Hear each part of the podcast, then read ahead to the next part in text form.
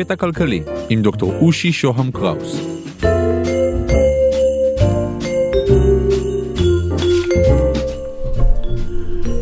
קטע כלכלי, פרק 71, על נמלים של שוק חופשי.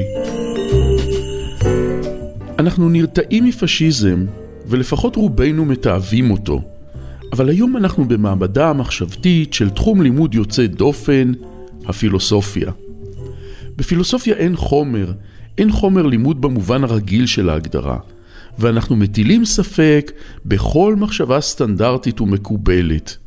כלי העבודה העיקריים שלנו הם המילים האם, האומנם והבאמת ככה, והמטרה שלנו היא להבין.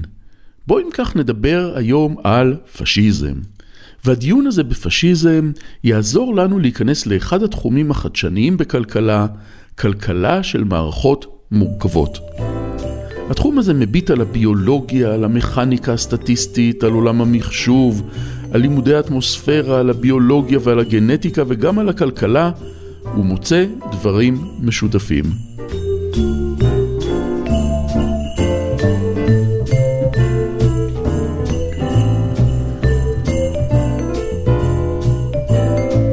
שלום, כאן דוקטור רושי שוהם קראוס, ואנחנו מתחילים. אחד מהעקרונות הפשיסטיים שכל קורא שגדל על חינוך דמוקרטי ליברלי סולד מהם, הוא אינטואיציה שרואה ביחידת הבסיס של החברה את הגזע ואת האומה ולא את היחיד. למה אני מתכוון? אולי פשוט יותר להדגים מלהסביר. נביט עלינו מלמעלה. מה אנחנו רואים? כדור ענק שנקרא כדור הארץ, הוא אחד. נתקרב, הנה הוא עשוי יבשות וימים. נתקרב. הנה מיליארדי יצורים קטנים שמתרוצצים עליו, בני אדם. נתקרב, הנה אברי גוף, נתקרב עוד, הנה איברים פנימיים, הנה תאים, מיליארדי תאי גוף. נמשיך ונמשיך ונמשיך, ואיפה צריך לעצור? מי אנחנו? מה הבסיס? אנחנו אנשים שחונכנו במערב הליברלי הדמוקרטי, נגיד שהאני או האינדיבידואל, הסובייקט, וכל מיני מילים דומות הם הבסיס. זה האטום. הנה, אנחנו מדברים על זכויות אדם, לא על זכויות של לבבות, תאים או ריאות. אנחנו מדברים על הגשמה עצמית, ולא על הגשמה יבשתית, ופחות על הגשמה לאומית או של הגזע. אני הוא הבסיס. לנאציזם של היטלר הייתה יחידת בסיס שונה. זה היה הפולק, האומה, וגם הגזע. ועכשיו לשאלה הפילוסופית, אולי באיזה אופן, ואפילו מדעי, יש משהו בדברים האלה. אולי יש מקום לדבר על עצמנו כעל חברת ענק שמורכבת מחלקים. חברה שבה כל יחידת בסיס היא חלקיק שנקרא אדם, שעשוי גם הוא מחלקיקים. אולי אנחנו כמו נמלים, מעין סופר אורגניזם?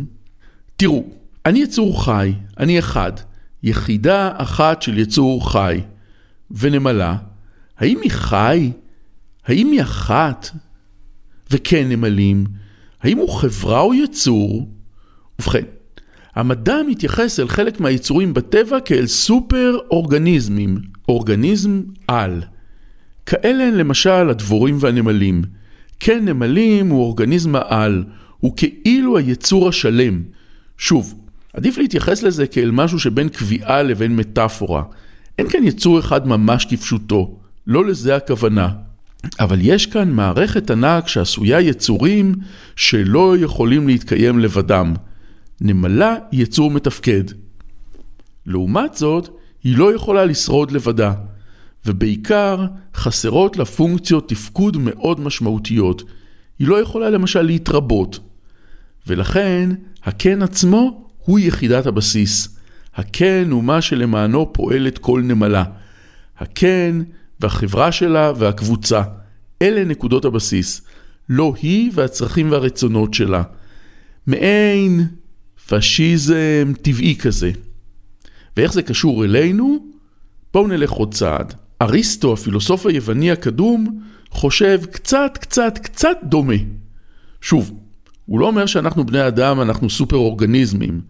אבל הוא חושב שהחברה היא המיצוי המקסימלי שלנו כבני אדם. ולא, הוא לא פשיסט.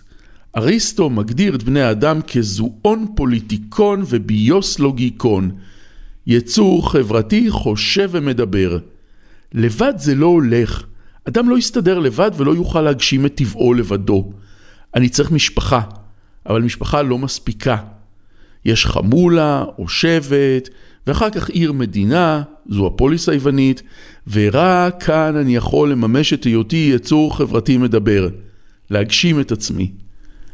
עכשיו בואו נקפוץ לסקוטלנד, למאה ה-18, למרצה המבולבל לפילוסופיה, פרופסור אדם סמית. מה הוא רואה כשהוא יוצא החוצה? הוא היה אומר במילים שלנו היום משהו כמו זה. אילו חייזר היה מסתכל עלינו מלמעלה, אומר דוקטור סמית, הוא היה רואה כן נמלים ענק, מיליארדי יצורים קטנטנים שהם אנחנו, מתרוצצים ממקום למקום כמו נמלים. בלגן מוחלט. אנחנו מנהלים מאות מיליארדי אינטראקציות בינינו לבין עצמנו. אנחנו מדברים, מתייעצים, מחליפים מידע, מזיזים חפצים. מיליוני מיליארדי חפצים מועברים כל יום. עשרות מיליארדי חפצים משתנים, מעובדים, נצבעים, נמכרים כל יום. האם מישהו מתכנן?